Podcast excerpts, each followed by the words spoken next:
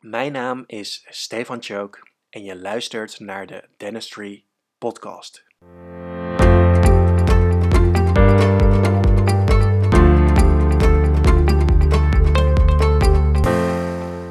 Van harte welkom allemaal bij weer een nieuwe aflevering van de Dentistry Podcast.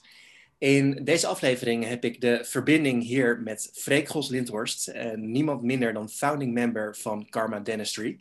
En ik kan je verzekeren, het is een hele bijzondere aflevering, want het is aflevering nummer 14.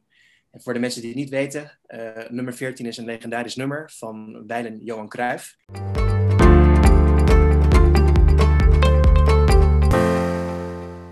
En ik ga maar gewoon gelijk de eerste vraag stellen. Freek, uh, heb jij enige uh, overeenkomsten of voel jij een, een, speciaal gevoel bij Johan Cruijff en bij nummer 14? Het kan geen toeval zijn natuurlijk. Nou, het is natuurlijk wel een, echte, een echte professional die ontzettend bekend is in de voetballerij. En denk ik heel erg gepassioneerd is over voetbal. En ik denk, nou, ik ben zelf ook wel erg gepassioneerd over tandheelkunde, zoals uh, de meeste mensen misschien wel weten. Uh, ja, hij, gaat, hij ging natuurlijk voor het, voor het voetbal. Uh, op dit moment ga ik voor de tandheelkunde. Dus misschien zijn er wel wat gelijkenissen. Ik weet niet of ik net zoveel talent heb als Johan. maar ehm, ja, maar het is wel grappig, grappig, toevallig. Leuk. Ja. Nou, ook superleuk dat ik uh, wederom uh, na Jasper Tolen iemand van de jongere generatie hier in uh, de podcast heb. Um, dat is toch stiekem, blijft het heel erg anders dan wanneer je de, de, de oudere garde zeg maar, spreekt met heel veel ervaring. nu juist de, de jonge honden. Um, Jasper, die vertelde in zijn podcast dat jij ook wel een soort van Vincent van Gogh bent. jij kan schilderen als Vincent van Gogh. Um, ja, klopt dat? Wat, wat heb je daarop te, te, te zeggen? Uh, schilderen heb ik niet eens zo heel erg, doe ik niet eens zoveel. Maar tekenen, tekenen is altijd een van mijn grote talenten geweest. Dus vroeger, vroeger deed ik niks anders. Dan, stond ik om zeven uur op, of om half zeven op voor school. En dan zat ik een uur eerst te tekenen. En, en nog steeds, als ik, als ik vrije tijd heb, dan uh, vind ik het nog steeds heel erg leuk om te doen. En, en ik weet wel dat ja, ik, ik, denk dat dat wel een van mijn grote, een, een van mijn grote passies is. Zeker naast de tandheelkunde. En ook wel iets waar ik, ik denk ik wel goed in ben. Um, ja, of ik zo goed ben als Vincent van Gogh, dat uh, weet ik niet. Maar het is wel, het is wel, ik doe het heel erg graag. En uh, ja, ja. Het is wel, het is wel een, ik vind het echt lekker om te doen. Het is en, ja, ik denk dat dat ook de reden is, dat ik in tandheelkunde misschien. Um, ja, kijk, met tekenen probeer ik altijd hele dingen heel natuurgetrouwd te maken. En, en hou ik er echt van om heel ver in de detail te gaan. En dat, um, en dat probeer ik met tandheelkunde ook een beetje. Um, ja, dus ik denk dat dat wel, een mooi raakvlak is. Juist. Nou, Vincent was echt een uh, meester natuurlijk in zijn vak. Sommigen die uh, noemden hem ook wel knettergek. Uh, liggen daar ook enige lijnen van overeenkomsten of valt het dan mee? Ja, mijn vriendin die wordt er altijd wel knettergek van dat ik zoveel met tanden bezig ben. en uh, ook onze, onze, onze wifi-verbinding in huis heet hashtag Zaanarts. En, um, en, en het wachtwoord, ja, dat moet ik me hier natuurlijk niet vertellen, maar dat heeft er wel mee te maken dat ik, um, dat, ik dat, dat, tanden, dat tanden misschien een klein beetje overheersen in mijn leven. En um, uh, ja, ik, ik, denk ook zelf dat, dat soms de. Maar goed, uh, misschien hebben we het daar later nog over ook. Maar dat op dit moment. Ja, de balans in mijn leven wel heel erg richting tanden is. En um, ja, of dat knettergek is of, of passie, of uh, ik weet het niet. Maar ik denk wel dat ik er meer mee bezig ben dan, dan een gemiddelde, gemiddelde persoon. Ja. ja. Ja, super interessant, Freek. Uh, nu al leuk om te horen. Hè? En ik ga gewoon lekkertjes eventjes naar het eh, begin waar, waar, waar jouw verhaal eigenlijk begon. Want uit wat voor gezin kom je? Nou, in ieder geval niet uit een, niet uit een tandheelkundig gezin. Dus uh, mijn vader die is, die, uh, theoloog, mijn moeder was archeoloog. ik ben in Bolivia geboren, in Zuid-Amerika. mijn ouders die deden ontwikkelingshulp. En, ehm, en ja, ik heb daar echt helemaal niks van tante kunnen meegekregen natuurlijk. Um, grappig dat, dan dat mijn zusje en ik allebei tandarts zijn geworden. Um, ja, wat, wat voor gezin was het verder? Ik denk dat we altijd heel erg veel vrijheid hebben gekregen om, om te doen wat we zelf wilden.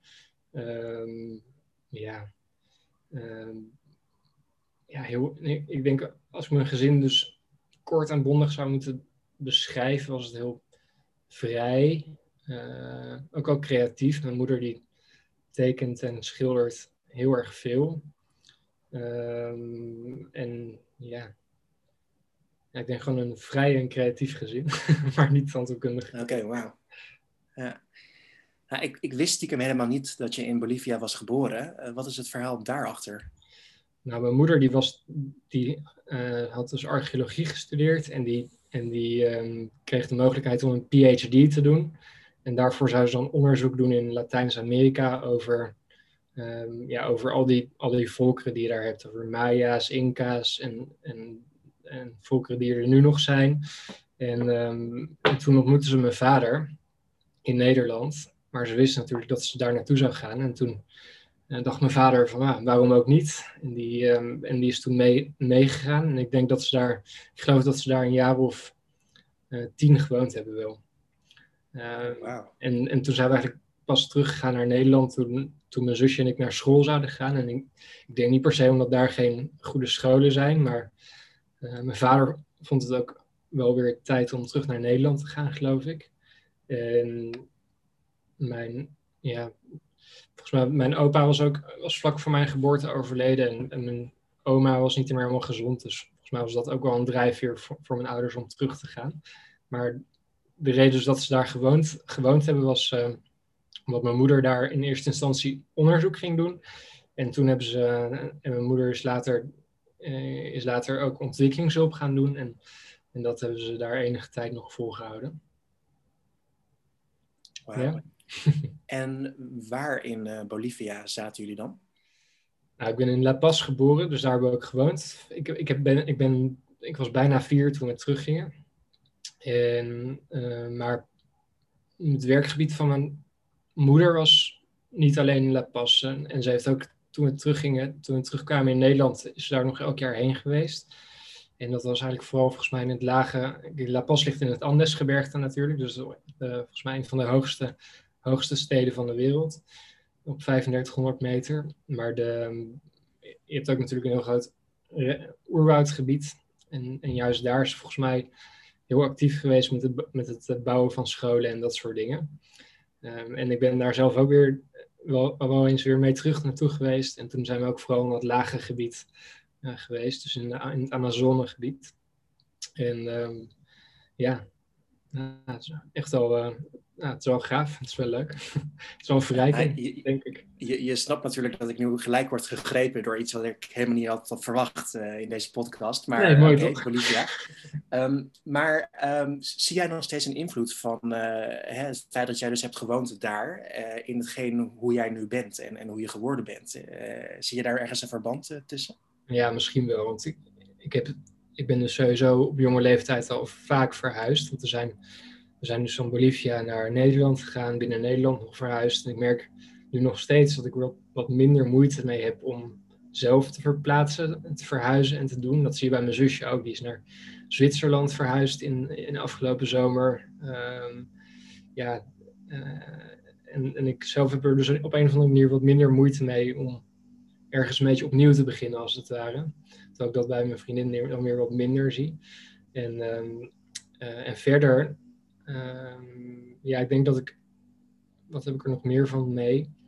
Misschien wel. Ik, als, je, als, je, als je aan mij zou vragen waar ga je het liefst naartoe op vakantie, dan, dan zou het toch gewoon zo'n soort ongerepte natuur zijn. Ik, eh, twee jaar geleden ben ik met, een vriendin naar Suriname geweest. Dan zou ik ook in door de jungle gaan trekken. En dat zijn dingen waar ik wel echt heel erg blij van word. En of dat nou komt omdat iedereen toch wel stiekem volgens mij van de natuur houdt, of, of omdat ik daar op jonge leeftijd zo vaak geweest ben, dat weet ik niet. Maar ik heb wel altijd een soort, ja, een soort, um, ja, nou, een soort heimwee misschien, of een soort, um, een soort um, iets, iets intrinsieks dat ik daar, dat ik in dat soort gebieden graag ben.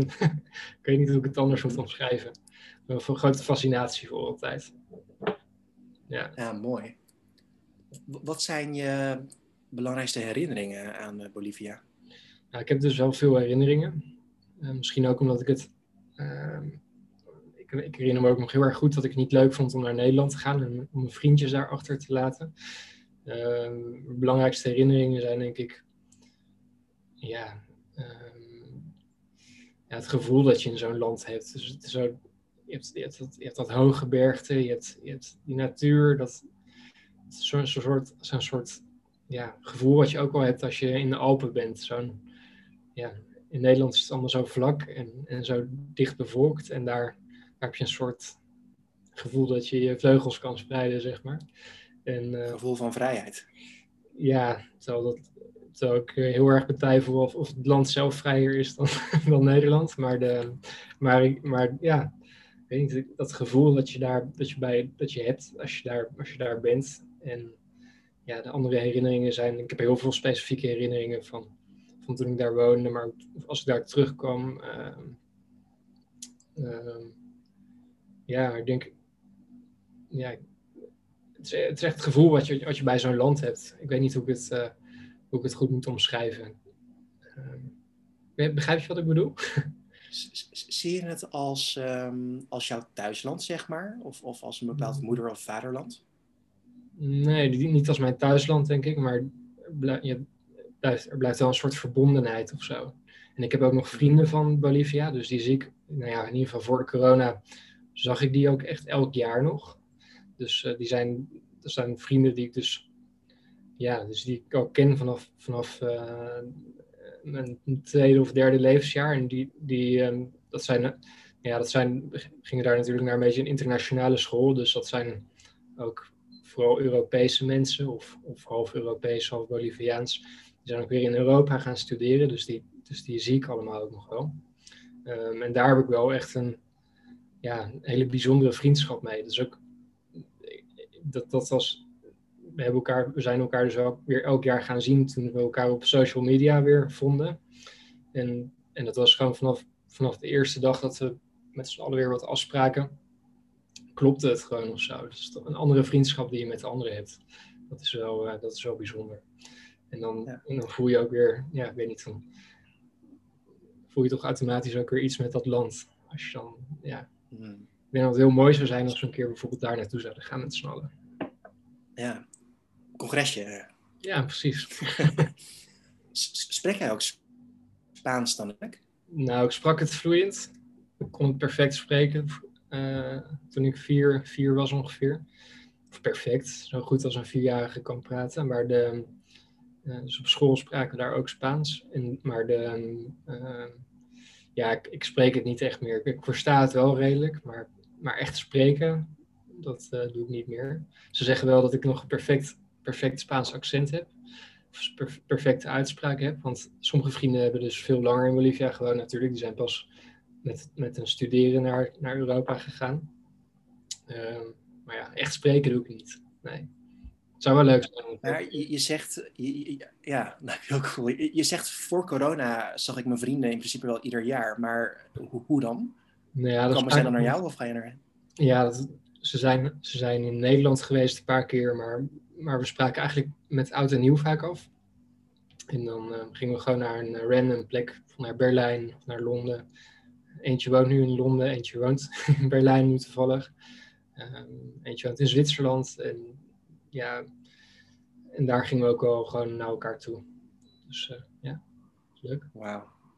Wauw, toen maar. Heel gaaf. Laatste vraag over Bolivia.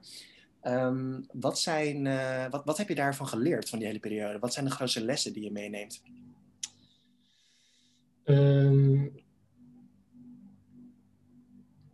Nou, ik denk, mijn ouders hebben het nooit echt heel erg breed gehad. Ook niet, ook echt niet arm. Maar ik herinner me wel een soort ja, geluk of zo, die je dan, die dan ook hebt daar. Uh, je, hebt, daar natuurlijk een hartstikke laag inkomen in zo'n land. En, en um, ja, en dan zie je dat en dan heb ik het niet zozeer over mezelf per se, maar ook wel gewoon wat je daar ziet. En je ziet daar ook dat iedereen eigenlijk wel gewoon hartstikke gelukkig is. En ik denk dat ik vandaar misschien wel een, ja, een soort eenvoud mee heb gekregen in mijn leven. Dat ik, ja, ik hoef niet rijk te zijn, ik hoef niet heel veel te hebben. Ik heb, ja, ja, begrijp je mensen wat ik bedoel? Ik, ik, denk dat ik daar, ja, wat ik nou echt geleerd van Bolivia? Ik denk, ik denk, ik denk misschien wel het, het geluk wat je kan hebben met, met, weinig, met weinig en met, ehm, ja, en hoe belangrijk, misschien ook al hoe belangrijk zo'n omgeving en natuur voor je kan zijn. Ik vind het fantastisch om daar, om in zo'n zo'n land te zijn. En ja, het leven is, niet, is meer dan alleen maar werken en, en, ehm, ja, en, en geld en weet ik veel wat. Ehm, ja, ik denk dat ik, ik denk dat ik veel, ja, ik denk dat ik veel dingen heb gezien daar.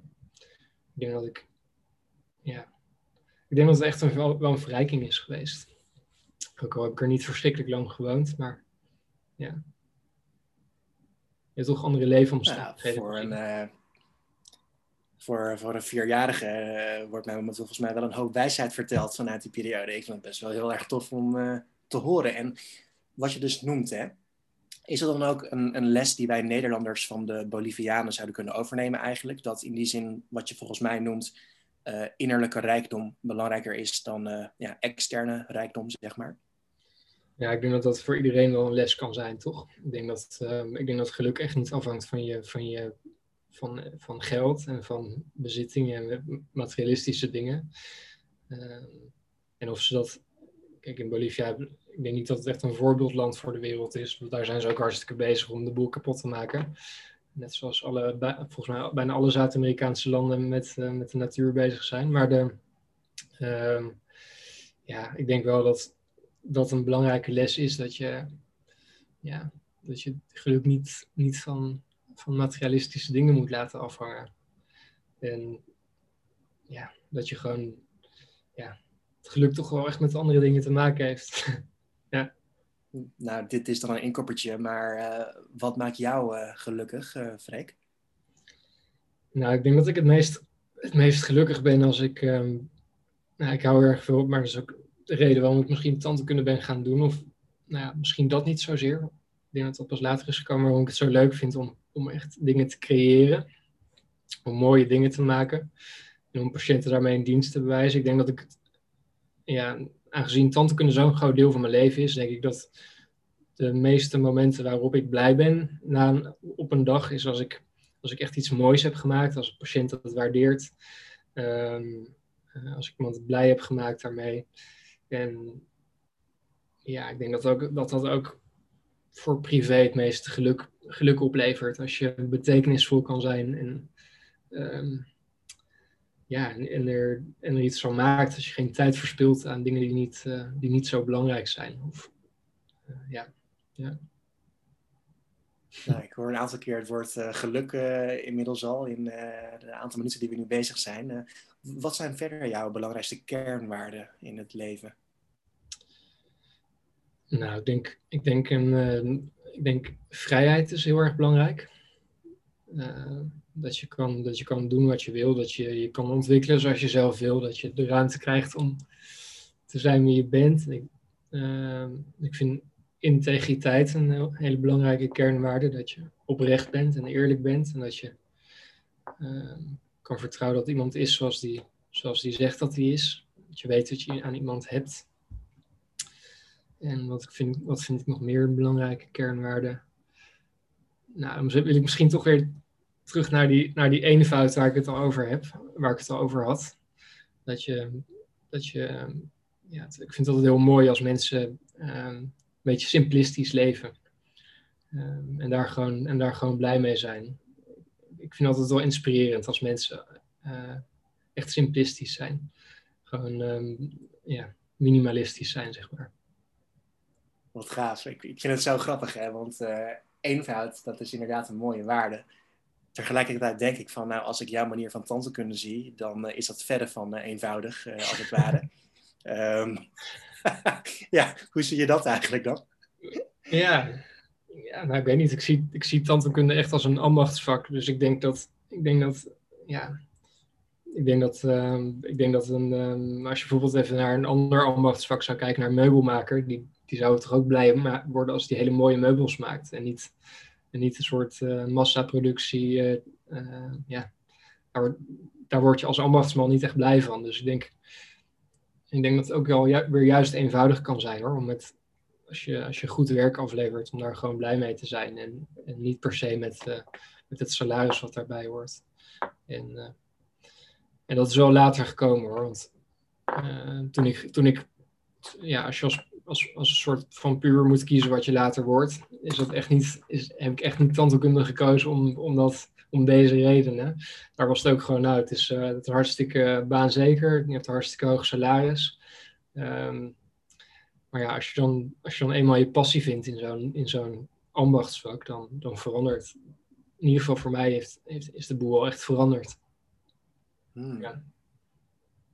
Wat zou je zijn geworden als tijd en geld geen rol zouden spelen? Als tijd en geld geen rol zouden spelen? Ja, op dit moment zou ik nog steeds tandheelkunde heel erg hoog hebben staan. Ik denk dat, um, ik denk dat het voor mij heel erg belangrijk is om, om iets te maken.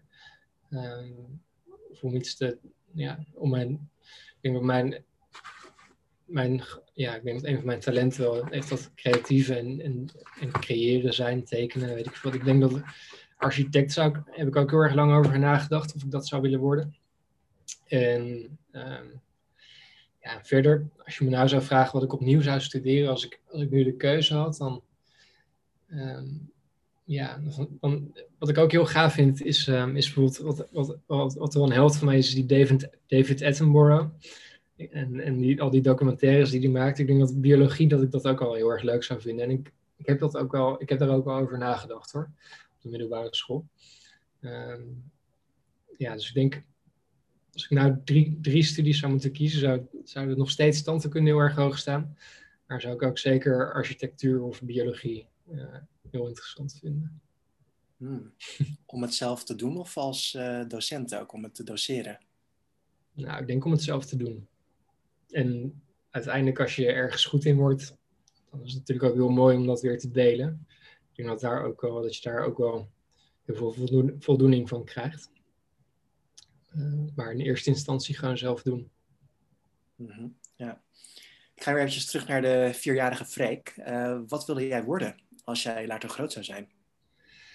Um, nou, wat ik toen wilde worden, weet ik niet. Maar ik heb, ik heb veel beroepen gehad die ik wilde worden. Ik denk toen ik, toen ik um, denk voor mijn tiende wilde ik altijd boswachter worden.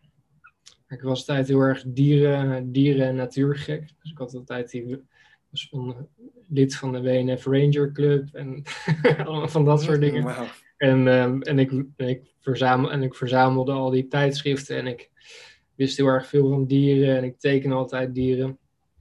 Um, uh, later, ja, nou goed, het is misschien ook weer heel makkelijk, maar, maar met wat ik net al zei, maar ik heb, ik heb, ik, ik heb ook heel lang architect willen worden.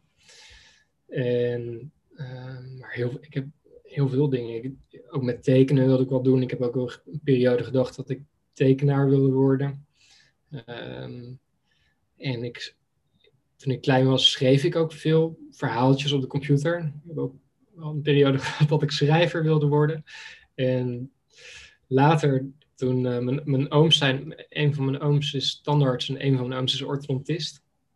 Later, als je dan een klein beetje gevoelig weer wordt voor materiële zaken, en ik zag mijn oom die orthodontist was, heb ik weer een periode gehad dat ik orthodontist wilde worden. Um, en ja, zo is dat een beetje, ja, dat heeft een beetje gecirkeld, denk ik. En pas in mijn laatste, pas in mijn laatste jaar van de middelbare school dacht ik echt zeker te, willen, te weten dat ik uh, tandarts wilde worden. En uh, ja. Wauw, wat grappig. Want ja, als je dan kleine Freek vraagt wat wil je laten worden, dan had dat destijds kunnen zijn, nou, ik wil uh, Freek Vonk worden, eigenlijk. Ja, precies, ja. Um, je bent Freek Gols Lindhorst geworden. um, ja, wat waren inderdaad voor jou uh, de specifieke redenen om voor tandheelkunde te kiezen? Nou, het was, ik denk dat, uh, ja. En hoe is dat gegaan inderdaad, dat proces? Ja, dus in mijn, in mijn, ik denk in mijn, van mijn dertiende tot ja, mijn hele middelbare schoolperiode heb ik wel interesse altijd gehouden voor de tandheelkunde. Dus ik denk omdat ik zag wat voor levens mijn, mijn, ooms hadden. Um, en, dan, ja, dus denk, en dan ben ik gewoon eerlijk, dan denk ik dat zoals, voor, voor veel jonge mensen geld ook een hele belangrijke rol speelt. Waar kan ik later rijk mee worden? Want dat bij ieder kind wel ergens interessant is. En, ehm, maar mijn, mijn ooms hebben ook altijd wel, zijn ook altijd wel echt overtuigd geweest dat tandheelkunde bij mij zou passen. Dus ik heb altijd wel een beetje een duwtje in mijn rug gehad, zeker van, van de oom die tandarts is. Van joh, volgens mij zou jij echt wel een goede tandarts kunnen worden en zou je juist ook dat tekenen en dat creatieve uh, daar goed in kwijt kunnen. Um, en om mijn ouders waren altijd een beetje bang dat ik dat, ik dat niet zou kunnen gebruiken uh, als standaard. Um, dus ja,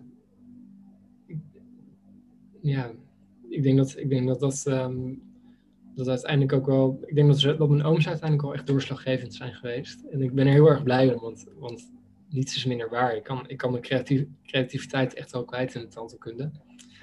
Ja. ja.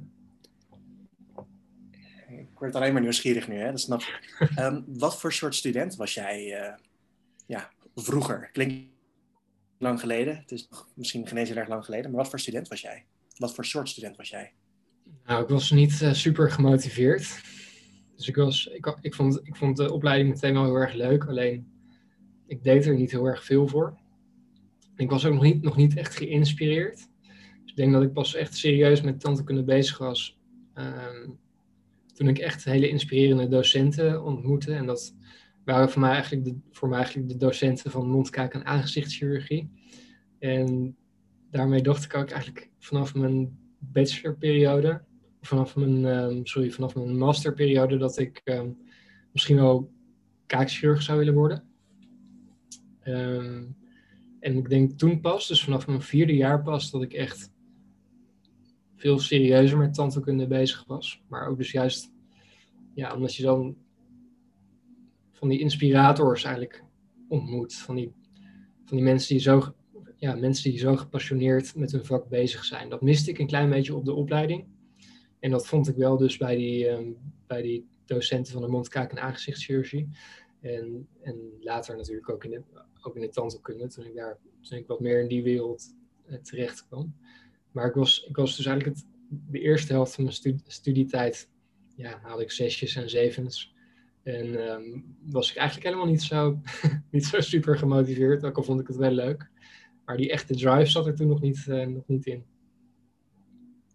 Wie zijn jouw uh, grootste inspirators? Ja, nou daar, daar ben ik op privégebied eigenlijk nooit zo heel erg mee bezig. Um, ik denk dat er heel veel mensen zijn die, die mooie en belangrijke dingen doen.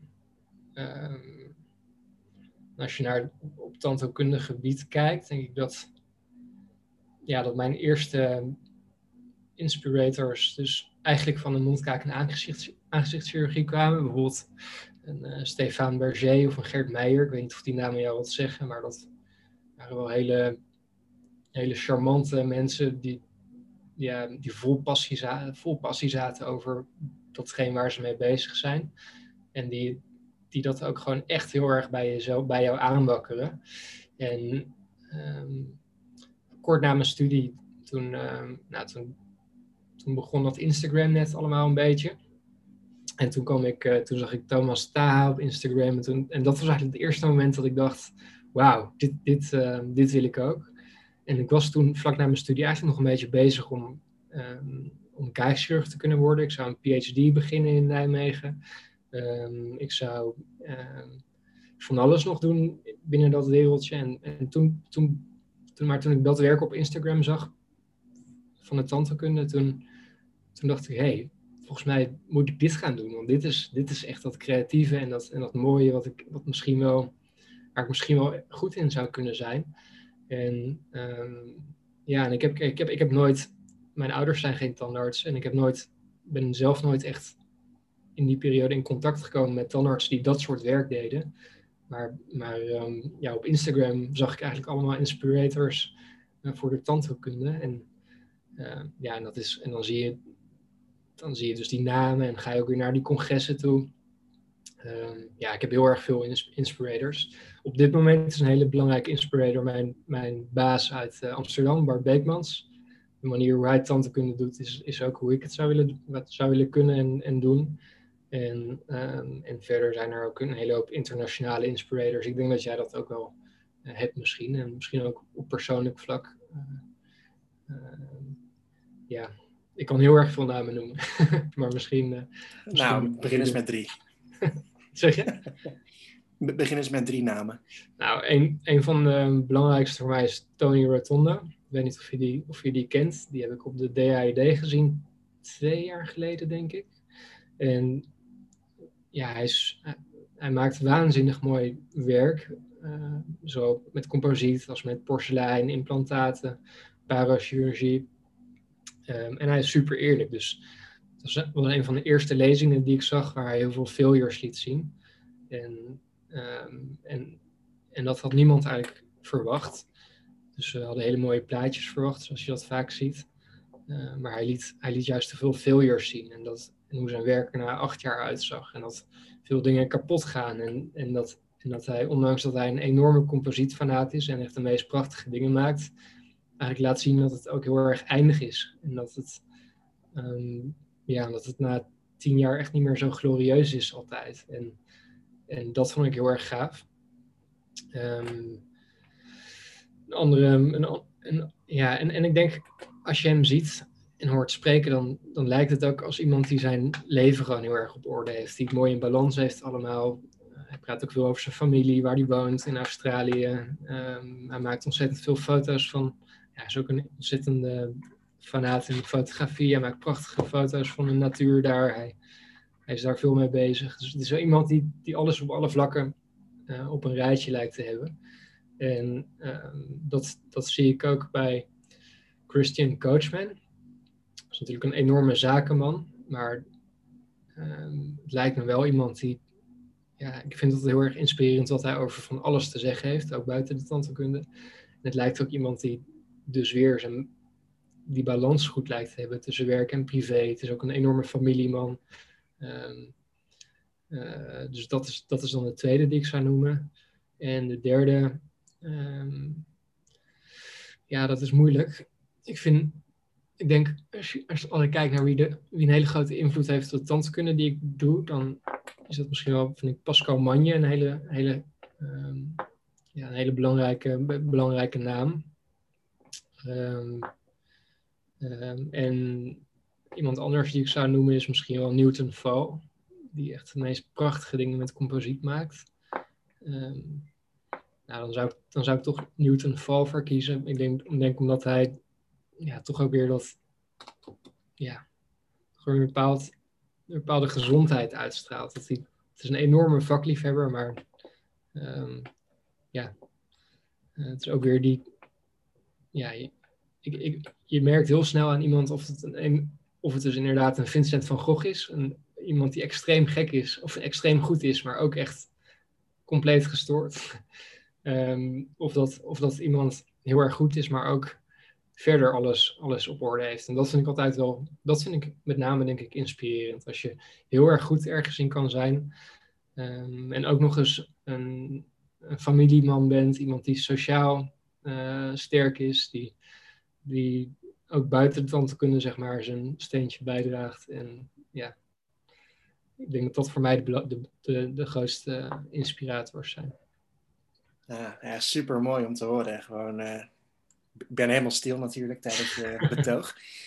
Jij noemde dat uh, op dit moment Bart Beekmans een van jouw grote inspiratoren is vanwege de manier waarop hij tandheelkunde bedrijft. En dat jij dat ook wel uh, op die manier voor je ziet. Op wat voor manier bedrijft hij dan tandheelkunde? Nou, Bart is, Bart is um, ooit, en daar zit hij nog steeds, in Amsterdam Sloterdijk zijn praktijk begonnen. Dus met een hele gewone patiëntenpopulatie. Er wordt altijd gedacht van nou, ACCT, dat moet een, um, ja, die behandelen alleen maar, alleen maar mensen die oog hebben voor esthetische tandheelkunde. Um, ja, en dat is dus eigenlijk helemaal niet zo. Dus Bart is, Bart is begonnen als tandarts en er was toen te weinig werk. Dus hij heeft alle mondhygiëne, alle, alle mondhygiëne zelf gedaan, alle preventie zelf gedaan. Hij heeft eigenlijk een patiëntenbestand hij, hij heeft zijn patiënten altijd enorm weten te motiveren. En hij heeft een patiëntenbestand opgebouwd Um, heeft zijn werk altijd super netjes gedaan. Dus als ik, als ik, als ik een dag bij ACST zit en ik doe de controles, uh, zo tussendoor, dan zie ik patiënten die daar al 20, 30 jaar zitten, die, die het allermooiste van te kunnen gewerkt hebben, wat ik, wat ik in, ieder geval in Nederland gezien heb. Um, nou, ook gewoon echt al wereldtop niveau heel vaak. En, um, en, dat, dat het er al 20, 30 jaar in die monden van die patiënten zit. Zelfs grote composietvullingen, weet ik veel wat, alles super netjes afgewerkt. Um, en, en niet alleen maar bij rijke mensen. Zij doet de tandheelkunde bij iedereen zo in de praktijk. Dus het is altijd, is altijd strak. De patiënten hebben altijd een goede mondhygiëne. Um, gaan, gaan allemaal twee keer per jaar naar de mondhygiënist een uur lang. Um, dus het is een soort. Ja, ik, ik, vind dat, ik vind dat Bart heel erg op een hele duurzame manier zijn tandheelkunde doet. Dus echt met preventie als basis. En dan vervolgens uh, bij een patiënt gewoon hele hoogwaardige restauraties maken. En op die manier zorgen dat iemand echt klachtenvrij is. We doen ook, we doen ook zelf de spoeddienst, uh, of we doen ook zelf de spoed in de praktijk. Uh, nou, ik, ik, zit daar nou een jaar en ik, ik denk echt niet dat ik overdrijf als ik uh, misschien in dat jaar eh, maximaal 10, 15 keer iemand voor een pijnklacht heb gezien. en dan is er vaak een stukje afgebroken. Ik heb, ik heb geloof ik twee keer een endo gedaan in het hele jaar. En dat geeft wel aan hoe hoe duurzaam en hoe gesaneerd en hoe goed die manier van werken is. En dat is heel erg inspirerend. En, en het is ook technisch heel erg mooi wat, wat, wat Bart heeft gemaakt allemaal. Maar ik vind het vooral heel erg inspirerend hoe ja, die manier van tandheelkunde, dat je daar je, patiënt echt mee helpt. En, en dan, ja, het is misschien wat, wat meer kostbaar. Ja, er wordt er wordt veel meer tijd aan behandelingen besteed. Dus je houdt er zelf misschien wat minder aan over. Maar het is wel uh, in mijn ogen kunnen hoe het zou moeten zijn. Wauw. Um, wat is de grootste les, of belangrijkste les, die je tot nu toe van Bart hebt geleerd? Uh, nou, ik denk voordat ik bij ACFT zat, dacht ik, dacht ik het eigenlijk wel allemaal goed te doen. Was ik heel erg gefocust op alle microdetails, namelijk ik heb die opleiding biomimetische tandheelkunde gedaan. Ik was heel erg bezig met oh, welke stapjes moet ik met mijn bonding doen. Ik moet hele kleine mini-beetjes composiet aanbrengen voor de krimpspanning. En zorgen voor perfecte hechting en zus en zo. En ik was veel minder bezig met uh, de details op macroniveau. En dan moet je denken aan echt perfecte adaptaties van je vullingen. Mooie approximale contouren creëren die makkelijk reinigbaar zijn. Um, je patiënten veel meer motiveren en begeleiden. Uh, um, ik, denk dat, ik denk dat sinds dat ik bij ACST werk, en dat is eigenlijk misschien ook, ik ben heel erg eigenwijs, dus ook wel iets wat, wat er misschien in de laatste paar maanden pas uh, een beetje aan het ins, insluipen is. Maar wat is nou de grootste les? Um, denk beter je patiënten helpen. Dus niet alleen maar een hele mooie vulling willen maken, maar als je caries bij iemand ziet, dat je de patiënt echt probeert te begeleiden en ook echt van dat probleem af probeert te helpen. Ehm, en dus gewoon um, zorgen dat je, dat je op macroniveau gewoon heel erg netjes werk aflevert. Dus niet dat je een hele mooie visuur hebt en, uh, dat je alles hebt gedaan via de, met de meest moderne adhesieve protocollen, maar dat je gewoon technisch een hele, heel goed werk levert. Uh, ja, ik weet niet of dat misschien heel logisch klinkt allemaal. Uh, maar het is dus echt ja, een soort verschuiving van micro naar macroniveau. dus yes, uitzoeken. Ja. Ja. ja. Ja, leuk man. Um, jij bent eigenlijk iemand die geen introductie uh, meer behoeft uh, in mijn ogen. Um, ik denk ook uh, dat je wel een beetje onder een steen moet hebben geleefd, wil je Freek Lindhorst niet kennen. Maar ik stel toch maar eventjes de vraag, hypothetisch gezien stel je voor, je komt een keer iemand tegen, weet ik veel, op een evenement. En die vraagt van, goh, hey, wie ben je en wat doe je? En hoe stel jij je dan voor? Nou, ik denk, als iemand me op een evenement vraagt wie ik ben en wat ik doe, dan zou ik denk ik zeggen dat ik, ja, een tandarts ben die met veel aandacht en passie zijn werk probeert te doen. Die toch gewoon affiniteit heeft met esthetische tandheelkunde. Uh, maar tegelijkertijd wil ik wel tandheelkunde willen kunnen doen die, die voor iedereen toegankelijk is. Dus het is niet zo dat ik alleen maar de patiënten wil behandelen die esthetische tand kunnen willen. Ehm, dus ja, wie ben ik en wat doe ik? Ik denk, ja, ik, ik zou in ieder geval graag een tandarts willen zijn die voor iedereen toegankelijk is. Die, die zijn werk echt netjes probeert te doen. Ehm, en als het kan, het zo mooi mogelijk maakt voor zijn patiënten. En ja, en zijn patiënten echt probeert te helpen. Ja, heel globaal je bent Iemand, uh, ja, je, bent iemand die wordt gezien als een autoriteit op het gebied van esthetische tandheelkunde. Um, waarom heb je uiteindelijk voor die richting gekozen en inderdaad niet voor een andere, um, bijvoorbeeld de MKA of iets anders? Ja, ik, zie mezelf, ik zie mezelf nog niet als autoriteit hoor. Ik ben, ik ben, ik ben nou denk ik vier jaar bezig. En, en wat, wat ik ook bij ACST heel erg gerealiseerd heb, is dat ik, dat ik gewoon nog een soort van leerling ben. Ik werk nog lang niet zo mooi als Bart of als Marta. Nog lang niet zo consistent in ieder geval ook zeker. Ehm, dus ik, ik, vind, ik, vind het, um, ik vind het heel mooi als je dat zegt. Maar ik denk, ik zie mezelf nog niet zo. En waarom? Ja, ik denk, ik weet niet of, of, je jezelf, of ik mezelf ooit zo zou zien hoor. Kan, ik denk, na, na een aantal jaar kijk je toch altijd weer anders op het werk wat je op dit moment doet. Maar waarom ik heb gekozen voor de esthetische tandheelkunde is um, dus heel erg om, een, om juist die wat fijnzinnige te kunnen doen dat, en mijn creativiteit kwijt te kunnen ik vind het heel erg gaaf om met, om met smile designs bezig te zijn en om, om natuur na te bootsen. Ehm, dat is dus ook iets wat ik met mijn tekeningen probeer te doen. Dus ik denk dat dat de meest logische reden is waarom ik voor de esthetische tandheelkunde heb gekozen. Ehm, en verder, ja, ik, denk tegelijkertijd ook dat ik daar toch ook mijn patiënten mee helpen. Want of je nou, of je, als je stel je maakt een vulling en je maakt er een platte pannenkoek van, um, ja, dat is en niet functioneel, maar ook niet esthetisch. Um, wanneer help je je patiënt nou? Als je, als je gewoon een, als je een tand gewoon maakt zoals die hoort te zijn. Um, met de approximale vormgeving, met, met de functionele anatomie ja, dat, dat is iets wat ik, wat ik heel erg leuk vind om mee bezig te zijn. En, uh, en, ik, en ja, ik denk dat dat, dat samen met de, met, met, met de ruimte voor creativiteit de reden is dat ik voor esthetische tandkunde heb gekozen. Ja, leuk man. Ik moet opeens denken aan uh, Dan Fisher. Uh, die ken je wel, hè, denk ik, de, de, de founder van Ultradent. Ja. Um, hij zegt van um, de the, the, the, the best way of dentistry is, is no dentistry. En wat hij ook zegt is, if you cut the tooth, you weaken the tooth. Ja. Ik gooi het er gewoon eventjes in. Uh, maar ik moest er opeens aan denken op de of andere manier. Nou, ik denk dat, ik, denk dat ik daar heel erg mee eens ben. Dus uh, ik zou, ja, je ziet helaas tegenwoordig heel erg in de esthetische tandheelkunde dat er enorm, veel schade wordt gedaan aan tanden. Je ziet bijvoorbeeld zo'n uh, Wolvink die zijn tanden laat slijpen.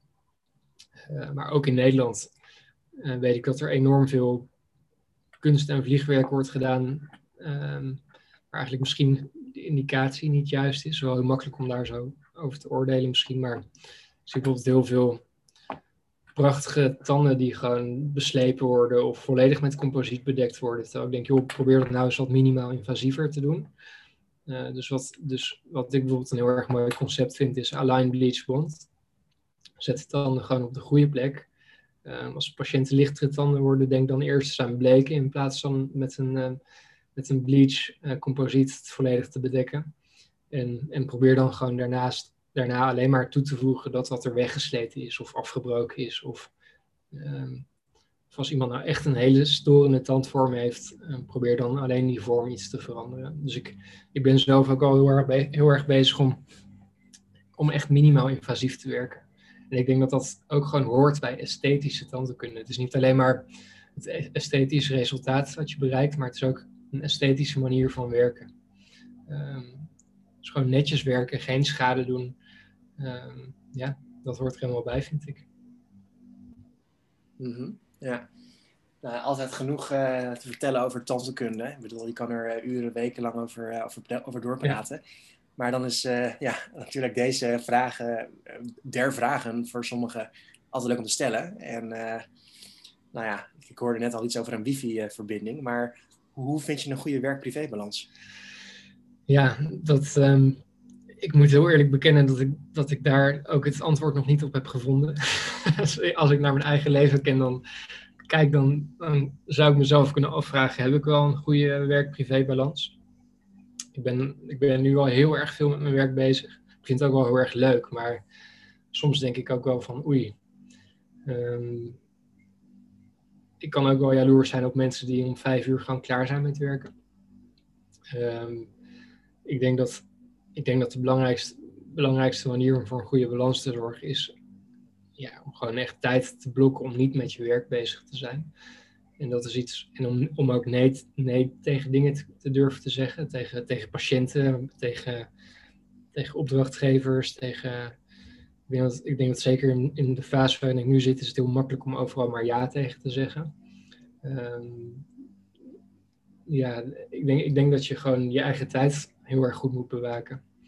Uh, en dat je daar ook door iemand naar moet laten kijken die daar buiten staat. Dat je, dus met, dat je met anderen overlegt van, hey, kijk, zo ziet mijn agenda eruit. Is dit gezond? Ik denk dat, um, ik, heb, ik heb het afgelopen jaar ook al overwogen om, om een keer iets van een lifestyle coach uh, te benaderen. Of een, of een ja, uh, want ik heb soms ook al de indruk hoor, dat ik soms wat te veel met mijn werk bezig ben.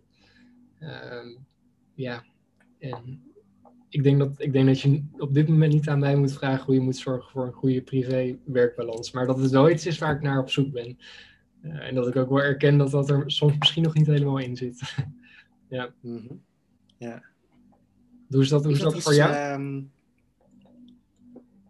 Oh ja, nou ja, leuke vraag. Um, ik ben enerzijds druk en anderzijds ben ik niet druk. En wat je noemt over planning, dat uh, pas ik inderdaad ook wel toe. Dus je moet ook echt uh, de ontspanning voor jezelf inplannen. Ja. Dus hoe ik het zelf doe, is ik beschouw het maar zo dat een dag 24 uur heeft, waarvan 8 uur opgaat aan slaap, 8 uur aan spanning en 8 uur aan ontspanning. En die ontspanning die plan ik ook bewust in. Dus ik zet bijvoorbeeld 10.000 stappen per dag. Uh, dat duurt vaak uh, wel anderhalf tot twee uur. Maar dat is voor mij gewoon echt een non-negotiable. Waarbij je ook gewoon echt even je hoofd kan leegmaken. En ook inderdaad gewoon een bewuste avondje gewoon lekker voor de tv kan zitten um, met anderen eventueel. Um, en sommigen zeggen ook hè, dat de echte balans die, die bestaat misschien geen eens. Dus dat het een, een, een, een soort van wigwap, wipwap dus de ene keer is het wat drukker en de andere keer is het wat meer druk. Um, en de vraag die ik altijd dan uh, mezelf zou moeten stellen. En misschien is het dan ook wel leuk om deze vraag in de podcast te stellen. Maar um, ja, Freek, wat, wat zou jouw 80-jarige ik uh, tegen jou zeggen nu als, als advies? Wat, wat zou die jou als advies nu meegeven? Nou ja, dat is wel, dat is wel interessant, want ik denk, ik denk de laatste tijd ook wel eens van, joh, ik ben nou, ik ben nou net 30, ik uh, ben fysiek helemaal gezond. Moet, ik niet, moet ik niet daar nog wat meer van uh, profiteren, zeg maar? Snap je wat ik bedoel? Ik, ben, ik zou nu nog, ik zou van alles kunnen doen nu, fysiek gezien, wat, wat je als 80-jarige niet zou kunnen. misschien ben ik nu al heel erg veel met dingen bezig die je je hele leven nog kan doen. Dan heb ik het over um, ja, over hoeveel uur per week ik werk binnen en buiten de praktijk uh, voor karma en weet ik veel wat. Um, ja, dat zijn, dat zijn dingen die, die je hele carrière nog kan blijven doen. Um, ik heb nog geen kinderen. ik zou nu eigenlijk alle vrijheid heb, moeten kunnen hebben, of moeten maken misschien wel, om nog allerlei andere dingen te doen. dus ik denk, ik denk soms misschien wel, moet ik, niet, moet ik eigenlijk niet gewoon nog even een keer een paar maanden vrij plannen om te gaan wereldreizen? Moet ik nog niet een keer, uh, moet ik niet nog wat meer met sport doen? En dat is iets waar ik de laatste tijd al wat meer mee bezig ben. Dus ik probeer echt veel meer te hardlopen en te fietsen en dus te wielrennen. En ja, het is jammer dat het nu met corona niet lukt, maar ik hou ook wel van hockey en ik heb mezelf ingeschreven voor tennis hier in Utrecht. Ik ben vlak voor corona verhuisd. Ehm, maar de, ja, ik denk dat als ik als 80-jarige terug zou kijken op nu, is dat van joh, maak wat, wat meer gebruik van je, van je vrijheid die je nog zou kunnen maken in ieder geval. En, en van de dingen die je nu met je lichaam kan. Ehm, dus ik denk, ik denk van, nou, ik denk dat ik daar wat, daar wat meer aandacht aan, aan zou moeten besteden. Nou, ik zit nu echt te denken van we zouden nog een keer een bonusaflevering uh, moeten opnemen over werk-privé-balans gewoon aan zich. Dat we echt de uh, diepte in uh, op kunnen gaan. Dat is misschien nog wel een idee. Ja, ja. ja, ja goeie man. Jeetje. Um, even kijken. Ja, wat zijn je ambities en dromen verder? Nou, ik hoop, ik hoop dus... Ja, wat zijn mijn ambities verder? Um, ja. Ja, mijn ambities als standaard zijn op een gegeven moment om...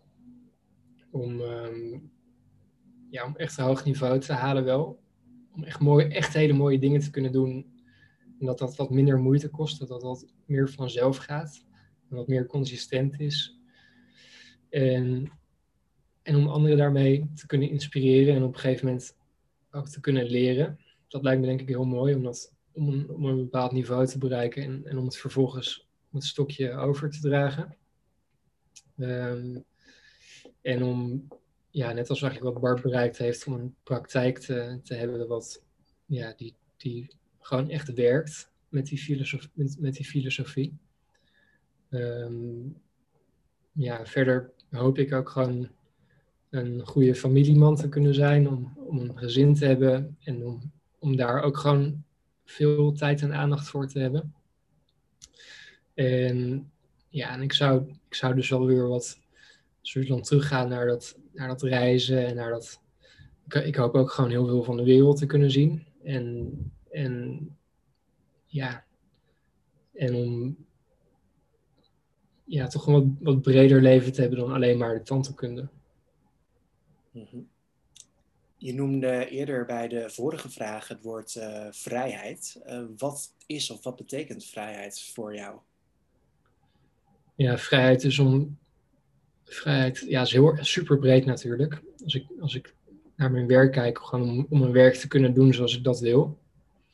En dat ligt natuurlijk al een beetje onder vuur in Nederland met, uh, met het tarievenstelsel en weet ik veel wat. En alle um, dingen waar we ons aan moeten houden en moeten aanvragen. En weet ik. En ja, um, ja vrijheid in de tand kunnen zie ik gewoon als dat kunnen maken voor je patiënten wat, wat, die, wat de patiënt graag zou willen. Um, en waar je zelf achter staat. En ik denk op persoonlijk vlak, ja, of op, privé, op privégebied betekent vrijheid juist weer ja, dat, je, dat je verder kan zijn wie je, zijn, wie je wil zijn. Ik denk, en ik denk dat we, dat we daar in Nederland niet zo'n probleem mee hebben. Um, ja. Wat betekent vrijheid nog meer? Um, ik voel me eigenlijk al best wel vrij. ik, ik, denk niet dat, ik, ik, denk dat die, ik denk dat ik daar eigenlijk helemaal niet zoveel in te klagen heb. En ook niet echt bepaalde verlangens nog, nog naar heb. Ik voel me al, ik vind al heel erg dat ik kan, dat ik kan doen wat ik wil. Uh, dat ik, um, ja, dat ik me kan ontwikkelen zoals ik wil. Um, ik denk dat we financieel als standaards ook al behoorlijk vrij zijn. Um, ja, ik ben zelf, ik ben zelf niet gelovig, maar ik denk dat we in Nederland heel erg ja, overtuigingen kunnen, ja, bepaalde overtuigingen kunnen, mogen, kunnen en mogen hebben. Um, ja, ik vind, ik, vind dat, uh, ik vind dat ik eigenlijk al wel in vrijheid leef. Hmm. Nou, dan vind ik dit nu wel een interessante eigenlijk. Want als we ervan uitgaan dat een week uit zeven dagen bestaat, en als je dan kijkt van hoe je echte ideale leven eruit zou zien, hoeveel van die zeven dagen zou je dan uh, besteden aan uh, werk als standaard? Nou, dat, en dat vind ik dus dat ik dat wel wel goed doe. Ik werk nu maar drie dagen als standaards. Um, en natuurlijk, um, um, misschien is dat zelfs een beetje weinig. Maar het komt ook omdat ik, ik werk dus in Amsterdam en in Antwerpen. Voor Antwerpen moet ik best wel reizen. en het zijn beide praktijken waar ik heel erg veel bezig ben met behandelplannen maken en met, met relatief grote cases, als ik het vergelijk met mijn vorige, mijn vorige werkplekken. Um, dus ik ben er alsnog zeker ook nog een hele dag extra mee bezig om alles, alles voor mijn patiënten te organiseren. En dan heb ik eigenlijk nog één dag over door de week voor mijn eigen dingen en voor karma. Um, dus ik denk, dat ik, ik denk dat ik het eigenlijk wel redelijk georganiseerd heb zoals ik zou willen. Um, waar ik op dit moment het meest tegenaan loop, is dat ik niet efficiënt ben nog in mijn, in mijn tijdsindeling. Dus ik, ben, uh, ik, ik werk op de dinsdag um, op de dinsdag, uh, donderdag en vrijdag. Dus maandag en woensdag ben ik in principe vrij. Nou, nu is het zo dat ik één dag in de week graag bij uh, gewoon meekijk uh, op werk. Dat wordt eigenlijk een beetje van me verwacht bij ACST. Dus ik, ik probeer één dag, één dag in de week te besteden aan meekijken bij Bart en bij Marta. Um, en um, Even denken hoor, dan ben ik bijna even kwijt waar ik naartoe wilde gaan met mijn verhaal. um, waar hadden we het nou over, Stefan? Ik was een beetje aan het afdwalen. Bij, uh, de vraag begon bij uh, hoeveel dagen zou je als tandarts ja. werken in ideale Ik denk drie. Ik denk drie. Um, dus omdat ik met tandkunde bezig ben, waar ik, waar ik zeker nog een dag extra aan kwijt ben voor brandzaken regelen, voor behandelplanning en dergelijke. Um, en, en ik wil eigenlijk ook gewoon één dag in de week dus mijn andere dingen kunnen doen die ik graag doe. Um, en, en daar tijd voor vrijmaken. Dus voor dat tekenen, voor um, eventuele vakanties, uh, dingen met mijn vriendin doen, met vrienden doen. Um, dus mijn ideale, ik denk inderdaad, mijn ideale week zou, zou zijn drie dagen in de week besteden aan, aan als standaards. en twee dagen besteden aan, nou, ik heb natuurlijk karma, en aan, en mijn eigen dingen. Mijn, mijn dingen die ik buiten de tandkunde graag doe. En, en, dat, en dat heb ik dus zo gepland. Alleen nu moet ik nog zorgen dat ik op die, op die dagen dat ik vrij ben ook echt datgene doe wat ik dan wil doen. Um, en dat is echt wel een ding waar ik, waar ik moeite mee heb. En misschien is die, dat, iets, dat dus een soort iets wat erin moet gaan slijten langzaam. Maar ik heb nu heel erg dat als ik een dag vrij heb om, om dus te gaan werken aan karma en om dingen te doen die ik graag doe, Ehm, dat zo'n dag zo verloren kan gaan aan, aan allerlei onneuzele dingen. en, en dat is iets wat ik, uh, wat ik nog moet leren, denk ik. Nou ja, het, uh, je, je, hoeft ook niet altijd wat te nee, doen, hè? Dat is tegenwoordig ook wel altijd een dingetje. Ja, eens. Het is soms juist de kunst om juist niets te doen. Ja. Um, jij werkt ook in Antwerpen bij uh, Tommy van der Velde. Ja, klopt. Wat is dan nu de grootste les die je van hem hebt geleerd? Nou, het jammer is dat ik de donderdag werk wanneer hij er zelf niet is. Um, maar ik heb er wel wat van geleerd, want uh, ik zag het voordat ik naar Antwerpen ging, um, had ik enorm hoge verwachtingen van Antwerpen. En een bepaald beeld. En ook het idee dat ik, dat ik het niet zo erg zou vinden om daar. Ik ben daar begonnen met twee dagen in de week te werken trouwens. En ik had dus het idee of de overtuiging dat ik dat niet zo erg zou vinden om twee nachten in de week ook niet thuis te zijn uh, en om maar te reizen. En wat ik ervan heb geleerd is dat ik, dat, dat daar meer moeite mee heb dan ik dacht. Um, dus juist van hey, dat, dat thuis zijn en, en samen met mijn vriendin zijn is toch belangrijker dan ik dacht. Vandaar ook dat ik nu naar één dag in de week ben gegaan. Um, wat heb ik er nog meer van geleerd? Dat nou ja, het gras lijkt altijd groener aan de overkant. Dus ik werkte eerst in uh, Den Bosch. En ik was er echt van overtuigd dat het in Antwerpen, uh, ja, dat ik daar enorme mogelijkheden zou hebben. Dat ik daar totaal andere tandheelkunde zou kunnen gaan doen. Um, dat ik daar nog enorm veel meer zou kunnen groeien. Um, en ik ben blij dat ik die stap gemaakt heb, want anders was ik hier ook niet achter gekomen. Maar het is, het is wel, het heeft me ook wel doen realiseren dat dat, dat het gras niet per se groener is bij de buren. En, en in Antwerpen doe ik nou eigenlijk gewoon het werk wat ik ook al in Den Bosch deed. Ik krijg daar ook dezelfde vrijheid. Dus ik word niet naar mijn omzet gekeken. Ik mag de behandelingen doen zoals ik wil. Um, maar het heeft me dus wel geleerd van joh, um, ja, misschien, misschien moet je ook gewoon ja, niet zo op zoek zijn steeds naar iets anders. Ehm, en ja, en, en dus dat ik, en dus dat ik dat, dat dat, dat ik dat privé dus belangrijker vind dan, dan ik dacht. Om gewoon lekker thuis, thuis te kunnen zijn en, en ervan te kunnen genieten dat je ook inderdaad een keer niet, niet, niet iets hoeft of moet. Of, ja. Dat is een mooi inzicht, ja, denk ik wel. Ja, dus ik, ik, ging er echt naartoe met het idee van, nou, hier ga ik de allervetste tand kunnen doen ooit. Um, kijk, in, in België heb je geen, geen, geen uh, vaste tarieven. Um, dus ik dacht, nou, ik heb daar volledige vrijheid. Maar ja, je hebt natuurlijk wel patiënten die, um, die bepaalde tarieven gewend zijn. Dus zoveel vrijheid heb je eigenlijk helemaal, helemaal niet. en ja, het gras is gewoon niet altijd groener. Aan, het gras is niet altijd groener.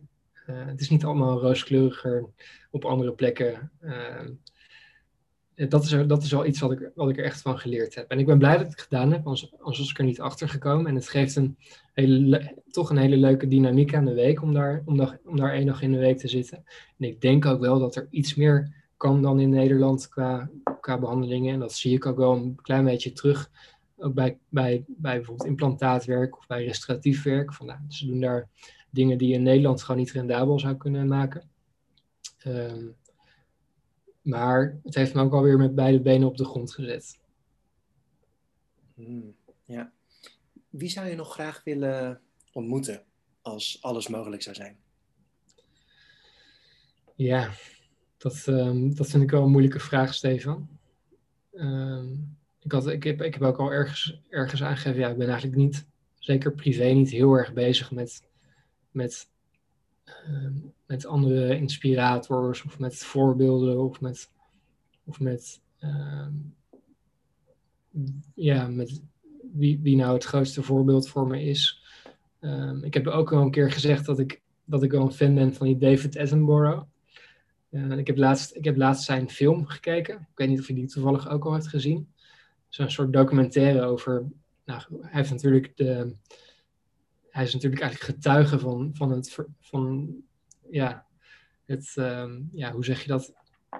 Zo, zo min mogelijk dramatisch, maar hij is, hij is getuige van het kapotgaan van de, van de natuur eigenlijk. Hè. Hij, is, hij is natuurlijk ergens ver in de negentig.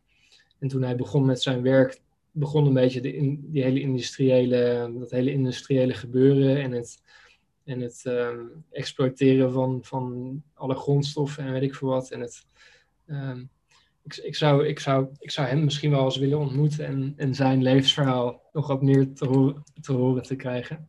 En dat, um, ik was wel erg onder de indruk van die film van hem, waar hij dus, ja, waar die dus ook heel duidelijk zegt van, nou, ik ben, ik ben in mijn leven gewoon getuige geweest van, de, van, de, van het kapotgaan van de wereld en en, hij, en, en, en waar hij eigenlijk zijn hele leven, of waar hij nu heel erg naartoe toe werkt, is van iedereen dat laten zien.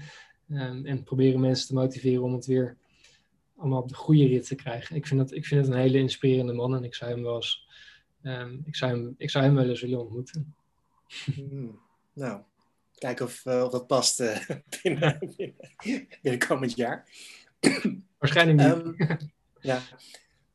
Wat zou je doen met, ja, wanneer je opeens met een toverstok uh, eh, 100 miljard euro zou krijgen, wat zou je daarmee doen?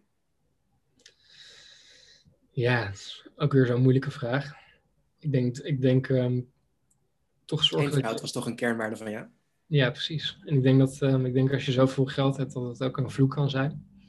Um, ik denk dat je heel erg dat je dan met, met hele andere problemen bezig moet gaan houden. Met wie, wie is bevriend met mij vanwege mij? Wie, wie wil alleen maar bij me zijn vanwege geld? Uh, uh, wie wil het geld van, zou het geld van me willen hebben? Uh, ik denk dat je heel veel. Ja, ik, ik, denk dat het een, ik denk dat het een vloek is om zoveel geld te hebben. Maar als ik zoveel geld zou hebben, zou ik denk ik toch iets creatiefs proberen te bedenken om. Ehm, ik denk dat je heel erg veel macht hebt met zoveel geld. Um, en dat je daar wel verantwoordelijk mee om moet gaan.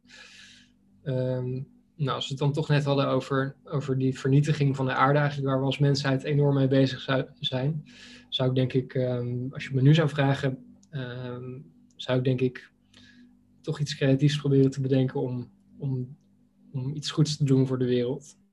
En zeker zou ik zelf ook wel wat geld bewaren, Stefan. En zorgen dat ik een, dat ik een eh, mooi huis heb, een droomhuis heb. En, en wat dan een droomhuis is, is voor iedereen weer anders. Maar in ieder geval, natuurlijk zou ik zelf voor, eh, voor mezelf en voor mijn naaste financiële uh, onafhankelijkheid willen, financiële vrijheid willen. Maar, um, maar ik zou niet meer hoeven te hebben dan noodzakelijk. En, en ik, zou, ik zou met zoveel geld toch wel proberen om, uh, om, een, goed, om een impact te hebben op, uh, op, deze, op deze wereld. En ik denk dat dat met 100, met 100 miljard uh, euro wel zou, moeten, zou moeten lukken. ja. Mooi, ja. Heb je een favoriete quote? Poeh. Nee, niet echt. Ik ben daar dus ik ben daar nooit zo mee bezig. Heb ik een favoriete quote? Ik heb daar ook niet over, ik heb daar ook nog niet zo over nagedacht. Dus ik denk, hmm. Ik, ik, um, ik, laat hem nu eventjes, um, ik, ik, ik, bewaar deze vraag even en dan, um, en dan uh, kom ik daar later misschien nog wel een keer op terug. Maar ik, ik, ik heb niet, nee, ik, heb, ik, ik, zou, ik zou hier het antwoord niet op, uh, niet op, niet op hebben. Nee.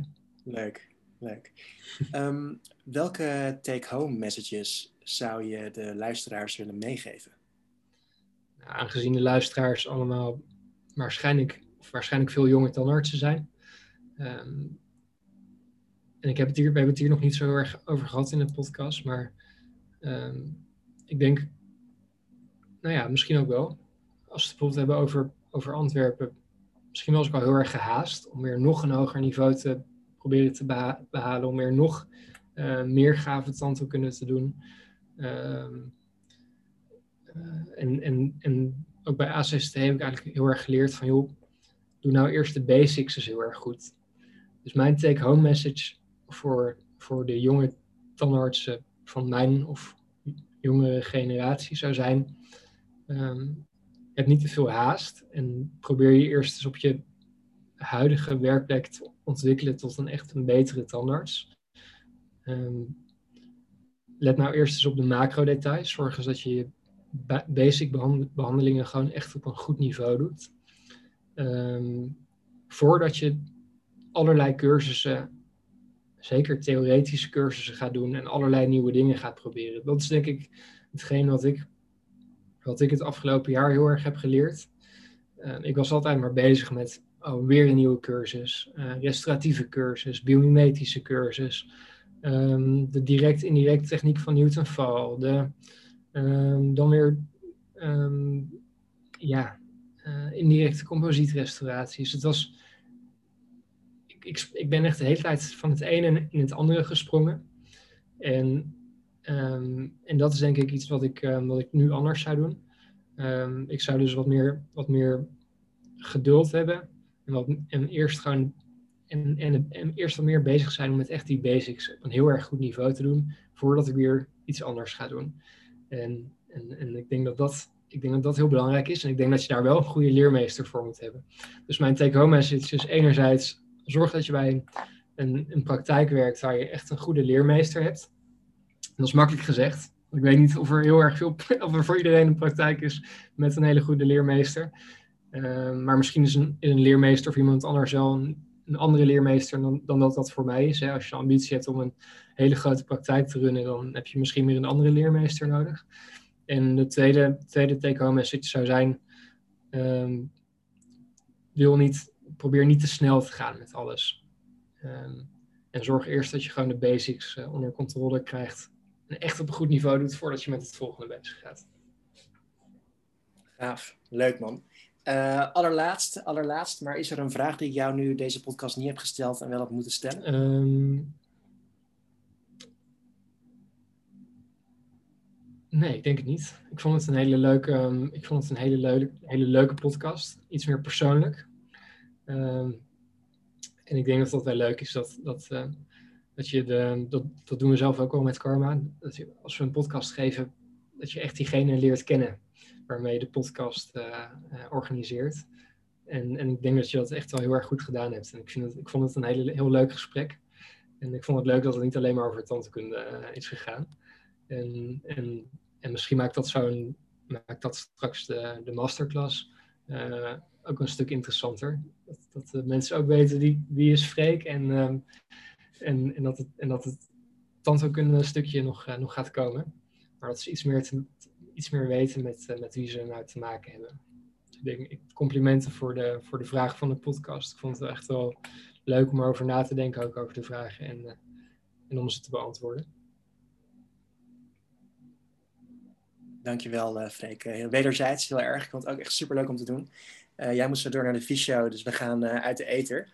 Um, voor de mensen die nog meer willen weten over, uh, over Freek Lindhorst, hè, dus uh, de gast van, uh, van de podcast van, van vandaag, um, ga naar zijn Instagram, Dentistry by Freek.